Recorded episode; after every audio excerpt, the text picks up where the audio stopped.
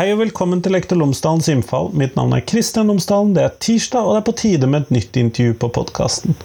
Denne gangen snakker jeg med Eskil Dahl Roterud, som er i Utdanningsforbundet. Han er også skoleleder, og vi snakker om rett og slett hvordan er det å være rektor? Hvordan er det å være rektor i dag? Hvordan var det å være rektor under pandemien? Og hvilke ettervirkninger ser vi for rektorene i den forbindelse? Klarer vi å ta vare på rektorene i alt dette her? Og vi kan jo mene mye om rektorer, vi som er lærere. Noen ganger liker vi de, noen ganger liker vi de ikke. Men én ting er sikkert, skolen trenger skoleledere, og hvordan ivaretar vi de? Og tok vi vare på de, og hvilke oppgaver skal de ha? Hvordan støtter vi rektorene? Det er Hvordan støtter rektorene oss? Ja. Her er det mye.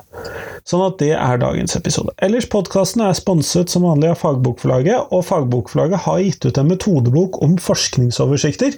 Sånn at når du skal skrive en bacheloroppgave eller masteroppgave eller til og med en doktorgrad, så har du skaffet deg masse informasjon, masse eh, kompetanse, data osv. Og, så og du må finne ut hva som er viktig for deg, du må putte det inn i noen skjemaer, du må få en oversikt, du må vite hva du skal bruke.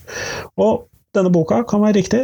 Boka heter 'Forskningsoversikter i utdanningsvitenskap', og de anbefaler den til alle studenter i lærerutdanningene og innenfor ulike pedagogiske fag. Og du finner den på fagbokforlaget.no. Men nå, nå får du Eskil Dahl Roterud, vær så god.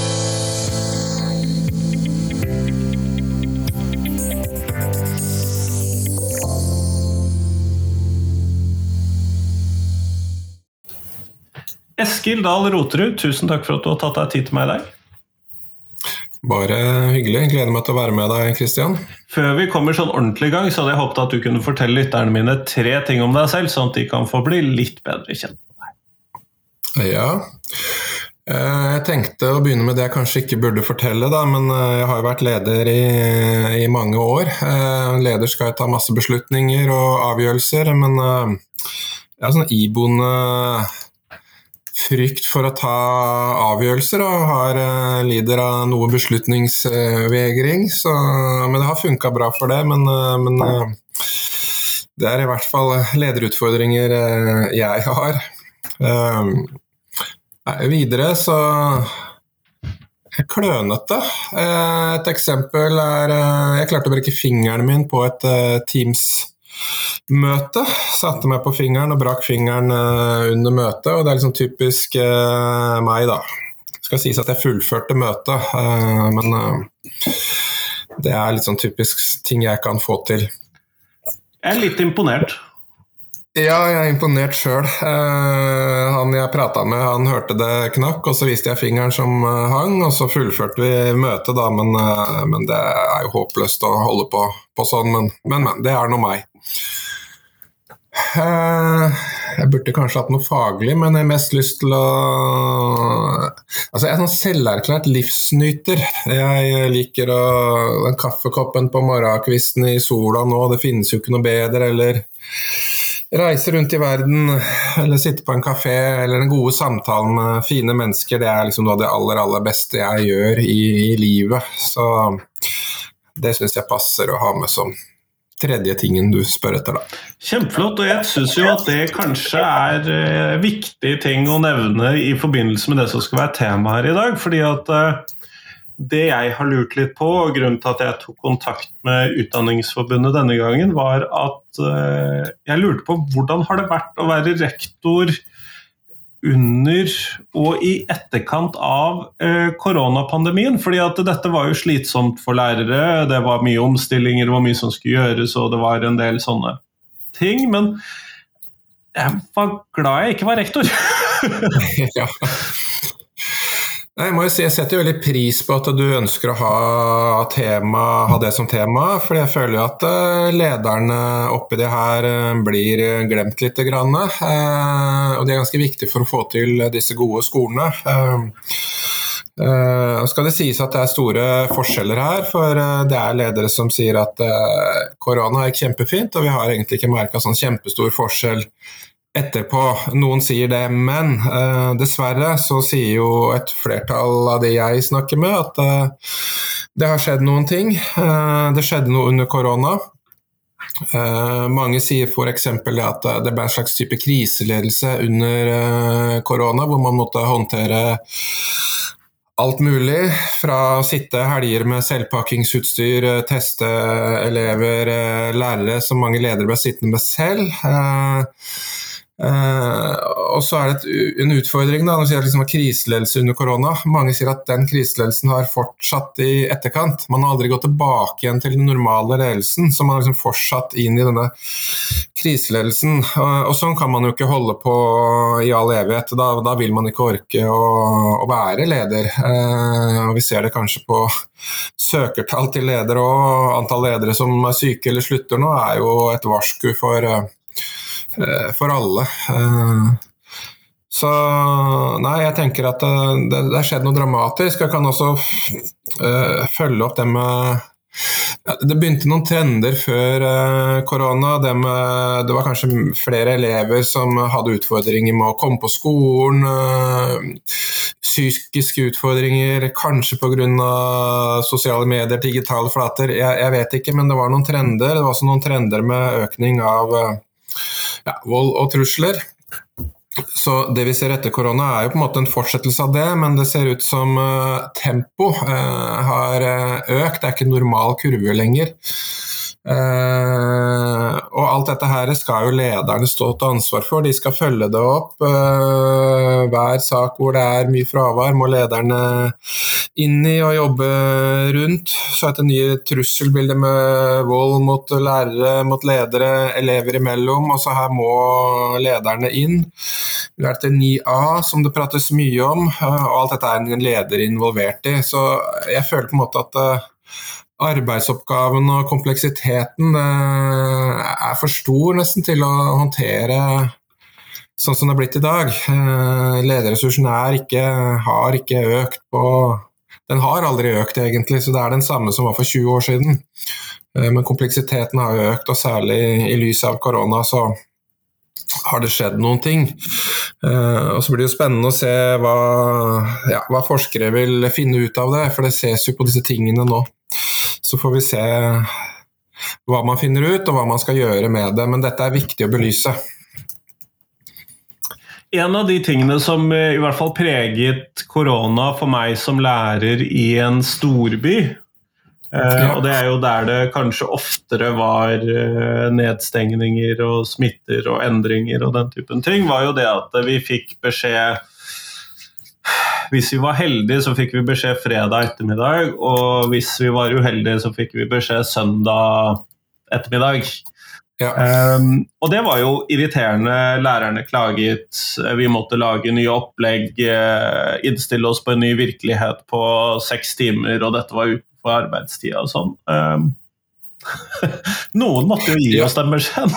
Eh, hvordan var det der? Og de som gjerne ga dere den beskjeden, hadde nok fått den beskjeden eh, fra noen eh, fra over dem igjen. Og det er klart det er Altså jeg heier jo alltid på lærerne, og da lærerne måtte snu om og jobbe ekstra, så det er klart at lederne også ble gjerne sittende den lørdagen og søndagen og, og rigge og planlegge og, og gjøre å gjøre om. Eh, så hva skal vi si, lederen ble kanskje en sånn slags mellommann som ga disse beskjedene eh, og satt i samme båt. Og så var det jo så trygt, på en måte, og alle bare visste at vi må jo bare gjøre det. Så det virka som alle, alle bare hoppa og gjorde det man fikk beskjed om i denne, denne perioden. og på en måte var jo det bra, men uh, vi, vi, kan ikke fortsette det. Jeg er opptatt av at vi skal ha normal, forsvarlig arbeidstid, både som lærer og, og, leder, og ryddige arbeidsforhold, og at vi skal holde oss noenlunde innenfor noen arbeidsoppgaver vi er satt til å gjøre, da.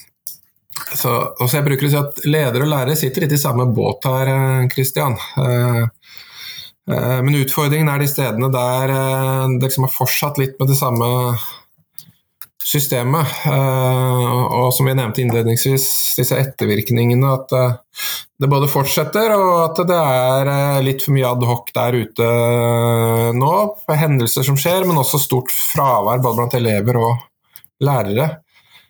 Det bekymrer oss veldig. Det kjenner du sikkert på selv også. Men hvilke sånne systemer eller ettervirkninger eller sånn, så er det som fortsetter eh, slik du ser, eller som dere opplever, da? Eh, hva slags type ting er det? Eh, jeg mistenker jo at elevene fortsatt har beskjed om å ha en viss større restriksjon med å komme på skolen syke, og det har vel lærerne også fått beskjed om, og det gir jo et høyere vikartrykk, i hvert fall. Ja, altså jeg har ikke fasiten på det, det her, Kristian. Men, uh, men uh, og mitt inntrykk er at uh, lærere ofte går på jobb, selv om man hangler. samtidig vet du jo at hvis vi ser på fraværsstatistikken, så ja, så prater vi kanskje om 7-8-9-10 litt avhengig av hvor man er en. Og da er det jo inn med, med vikarer, som du sier. og for en som er veldig opptatt av at vi skal ha godt utdanna lærere og en profesjon, hvor viktig den er, så klart at uh, det gjør også noe med elevenes uh, undervisning. Det gjør kanskje noe med disse relasjonene man ikke får. ustabilitet. alle disse tingene medfører jo en annen hverdag for elevene og en annen hverdag for uh, lærerne. Uh, men uh, hvorfor det er fortsatt sånn etter korona, det Jeg har ikke noe svar på det, annet at man må anta ting. men vi ser jo disse Tilsynelatende så har det jo skjedd et eller annet i forhold til det vold-trusselbildet som du leser om hver eneste dag, som bekymrer eh, stort. Ja, det var før korona òg, men det er mer av det. Har det skjedd noe under korona? Har elever mista denne sosiale selvreguleringen, treninga på det? Uh, har det skjedd noe der som gjør at man ikke klarer måte å håndtere situasjoner lenger? Altså mangel på sosial trening? Jeg, jeg, vet ikke, men noe har skjedd. og dette utfordrer også både lærere og, og ledere som skal leve i det her. Og vi skal jo være gode forbilder, eh, men så står vi der kanskje i sånne adhoc-situasjoner og skal løse ting eh, hele tiden. Eh, så det er mye spennende her, men jeg har jo ikke fasiten på det her, Christian. Det skulle jeg ønske jeg hadde. Men i hvert fall mange prater om det med har man mista denne sosiale treninga? Hvorfor klarer færre elever å regulere seg selv? Eh, hva, har skjedd her? Eh, og det tenker jeg er eh, konsekvenser eller ettervirkninger av korona. I hvert fall i mitt hode så er noe av det det, da.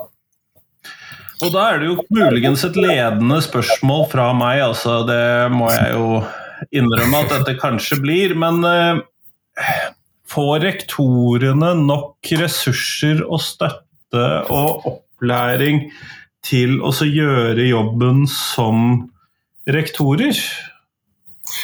Jeg er veldig glad du stiller det spørsmålet, og ja, det er ledende. Og svaret mitt er vel ikke så veldig overraskende. Kan du gi meg et lengre svar enn nei?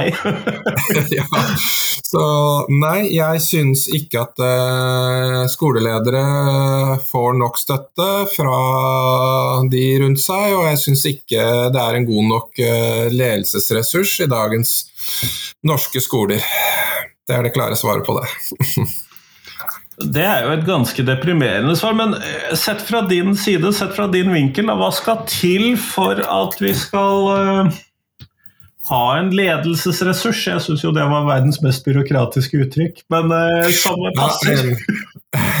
Jeg er enig i deg, da må jeg kanskje pakke opp ordet ledelsesressurs. Da, for, for, hva er det? Jeg tenker at uh, I dag så er det mye snakk om dette laget rundt. Uh, man prater, prater, gjerne om laget rundt eleven. Vi kunne gjerne, like gjerne sagt laget rundt læreren. Uh, jeg liker å prate om laget rundt lederen også.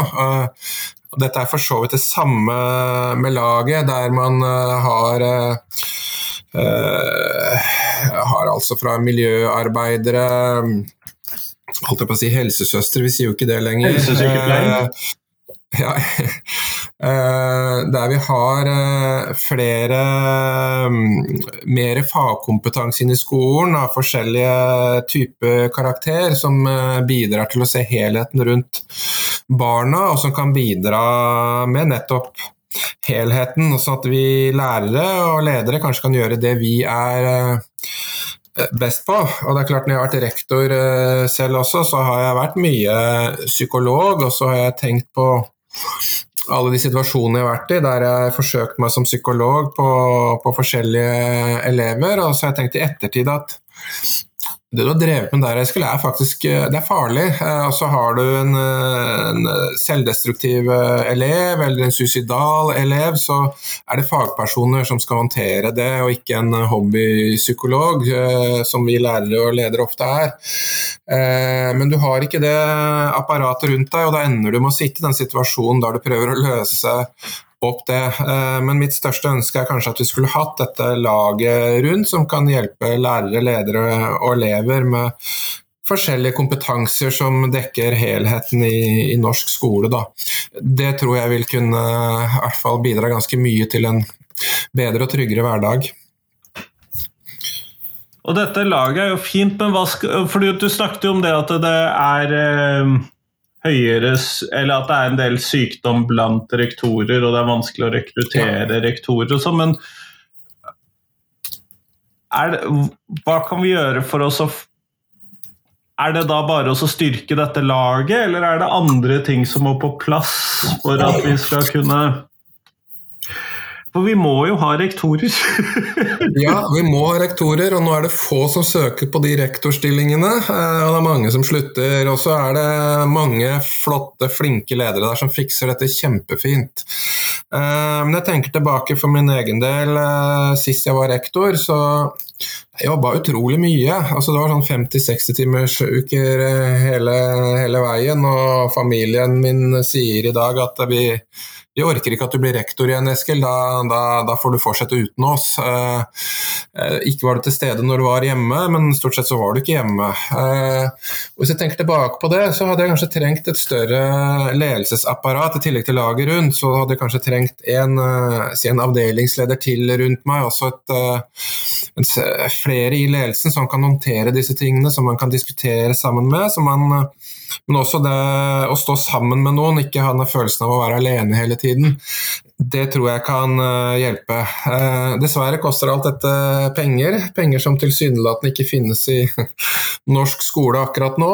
Eventuelt så slåss vi Disse ressursene skal jo er det jo en kamp om. Eh, vi skal utvide laget rundt eleven, vi skal ha flere lærere i klasserommet, noe som jeg støtter, men vi trenger også gode ledere og nok ledere for å håndtere det. Og har vi ikke gode ledere og nok ledere, så får vi det ikke til, rett og slett. Vi, vi må ha noen til å peke ut retningen og til å, å serve og backe lærerne. Og det blir ofte lederne.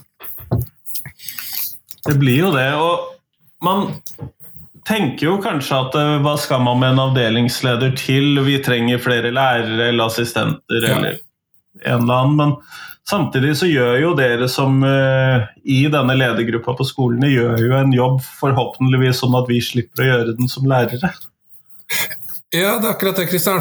Min ledelsesfilosofi er jo Jeg er ikke så opptatt av det å være leder, på en måte. Jeg tenker at uh, ledelse er noe vi gjør sammen. Uh, altså, som rektor så vil jeg lede sammen med, med, lærerne, og vi måtte diskutere og bli enige om ting sammen. Og det passa min beslutningsvegring at vi, vi, skal finne ut av ting sammen og finne omforente løsninger. Uh, men det er klart det er utrolig viktig at eh, ledere er der for lærerne. At eh, lederne ser lærerne, at vi hjelper til med elevsaker når det skjærer seg i et klasserom. At lederne er tilgjengelige da.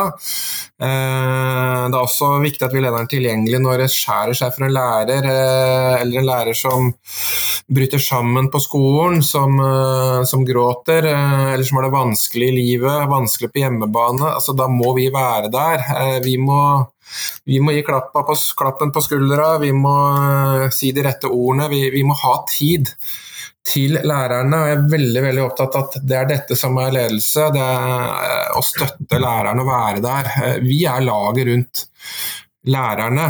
Og lærerne gjør den aller, aller viktigste jobben i norsk skole. Det er å gi god undervisning til våre barn og elever, voksne.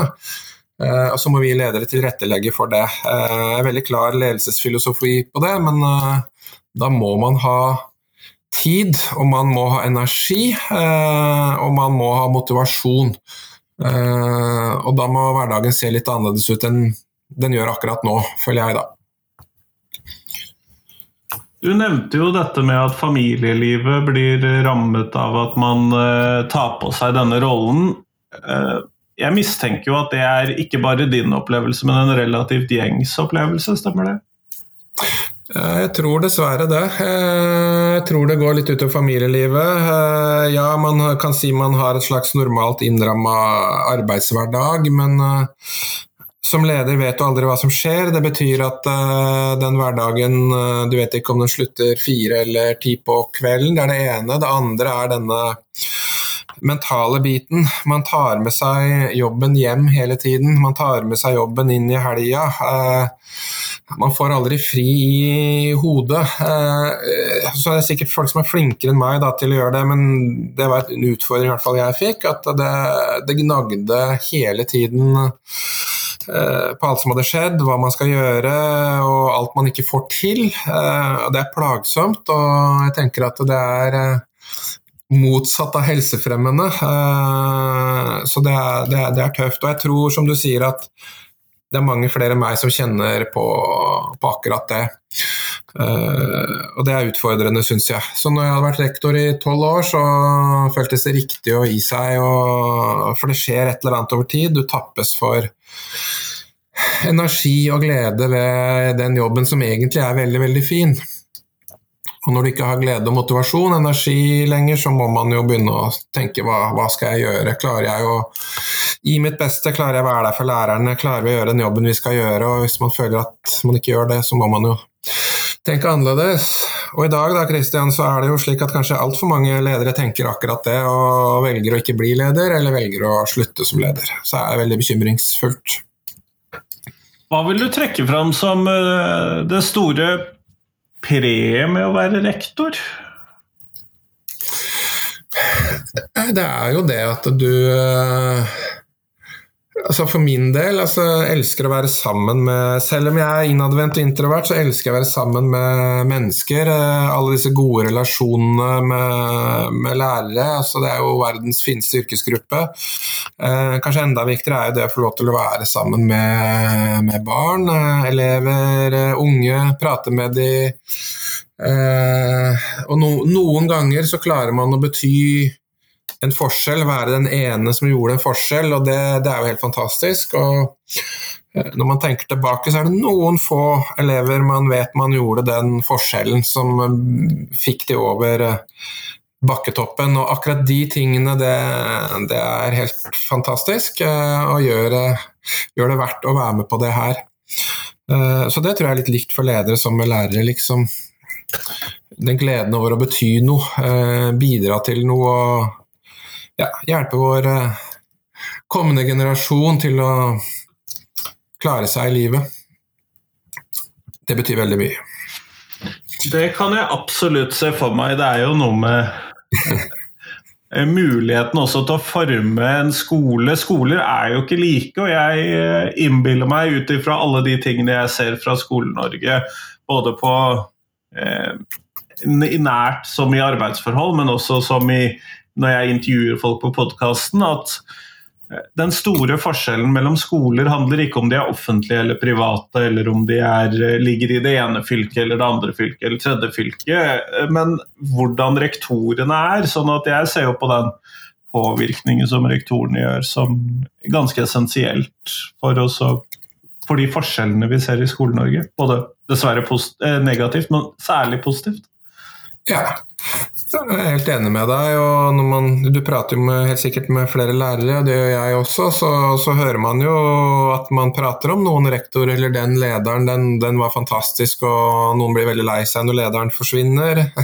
Andre blir glad, men, men ta, la oss ta utgangspunkt i disse gode lederne, som det finnes så mange, eh, mange av der ute, eh, de er viktige for å forme en skole, for å utvikle en skole, for å få til det som ja, departement og direktorat forventer av oss, så, så, må vi ha god ledelse. Eh, det er de som eh, eh, lager en retning, det er de som eh, motiverer, og det er de som skal også ta ansvar for disse tingene. Det er superviktig, akkurat som i alle andre bedrifter. og jeg prøver alltid å si at uten god ledelse så, så går det ikke. Eh, vi, vi, må ha det, selv om det er fantastisk dyktige lærere. Men da får vi noe individualisering i klasserommet hvor jo, jo, eh, enkelte klasser får det kjempefint, for de er så heldige å ha den ene superdyktige læreren, og det vil fungere uavhengig av hvem som er ledelse. Men vi må jo ha høyere ambisjoner om at uh, enkelte klasser skal få det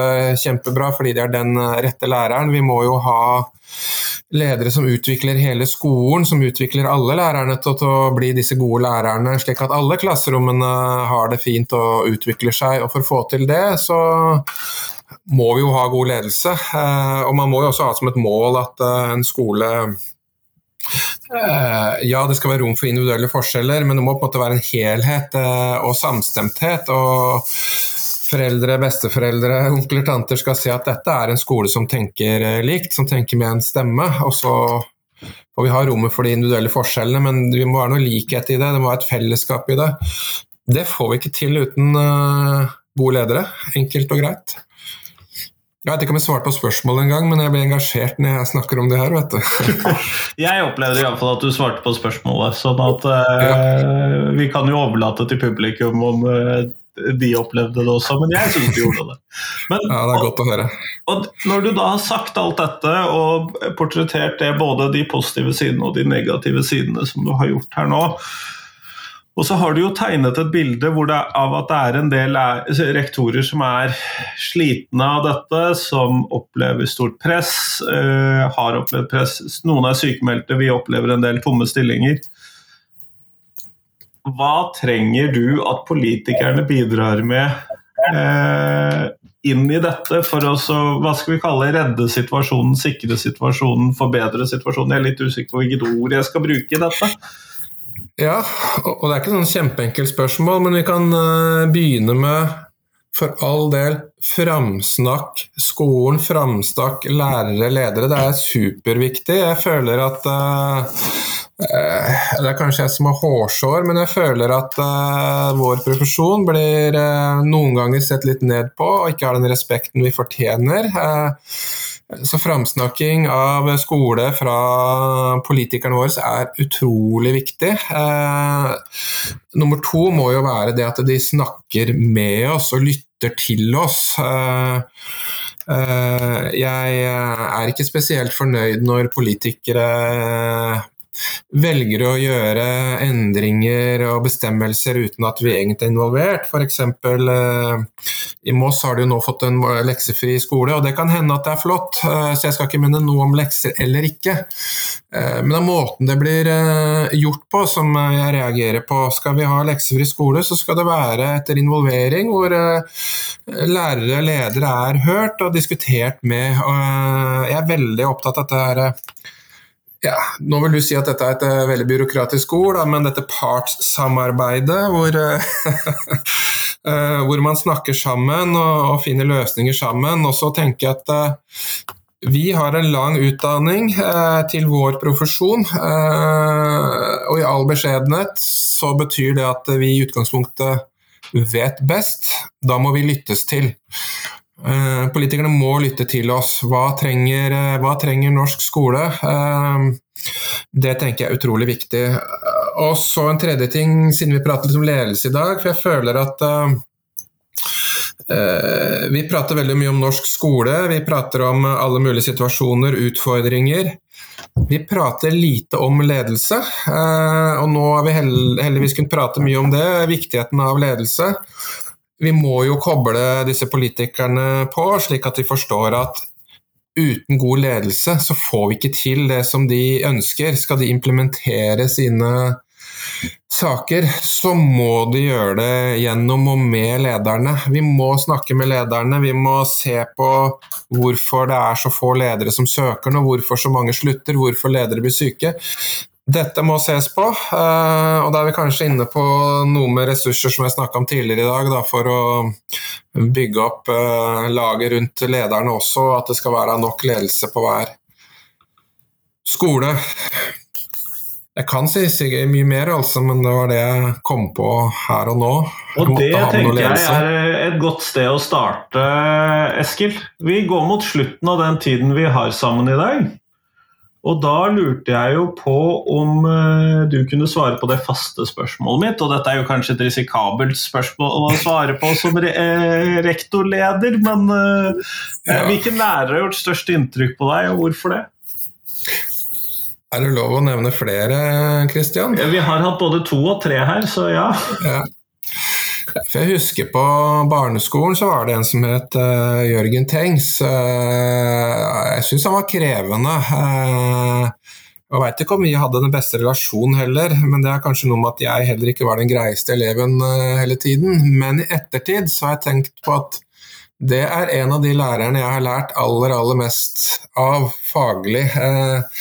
Jeg er veldig glad for de norsktimene med han, og mattetimene med han. Det har uh, vært veldig viktig for min uh, utvikling. Uh, så vil jeg ta på videregående. Der hadde vi en som het Arild Leitre. Jeg var en uh, usikker og beskjeden uh, tenåring, uh, for å si det mildt. det var en lærer som likevel så meg som ikke sa, sa noe som helst. Han, han så meg, han leta etter hva jeg kunne, han leta, leta, ikke etter hva jeg ikke kunne. jeg ble rett og slett motivert av Arild Leitere.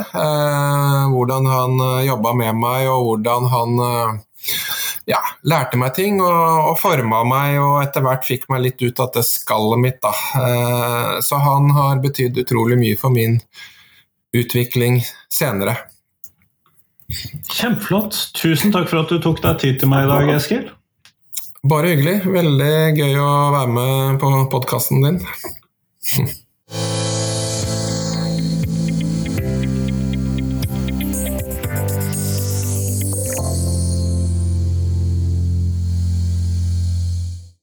Tusen takk til Eskil, og tusen takk til deg som hørte på. Nå er det bare en, eh, vel, noen dager til neste episode på podkasten. Den kommer på fredag.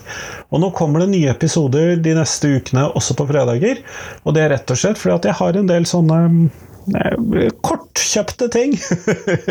jeg har egentlig ikke kjøpt de, og de er egentlig ikke kort, men jeg tenker at de er ferskvare i enda større grad enn vanlig.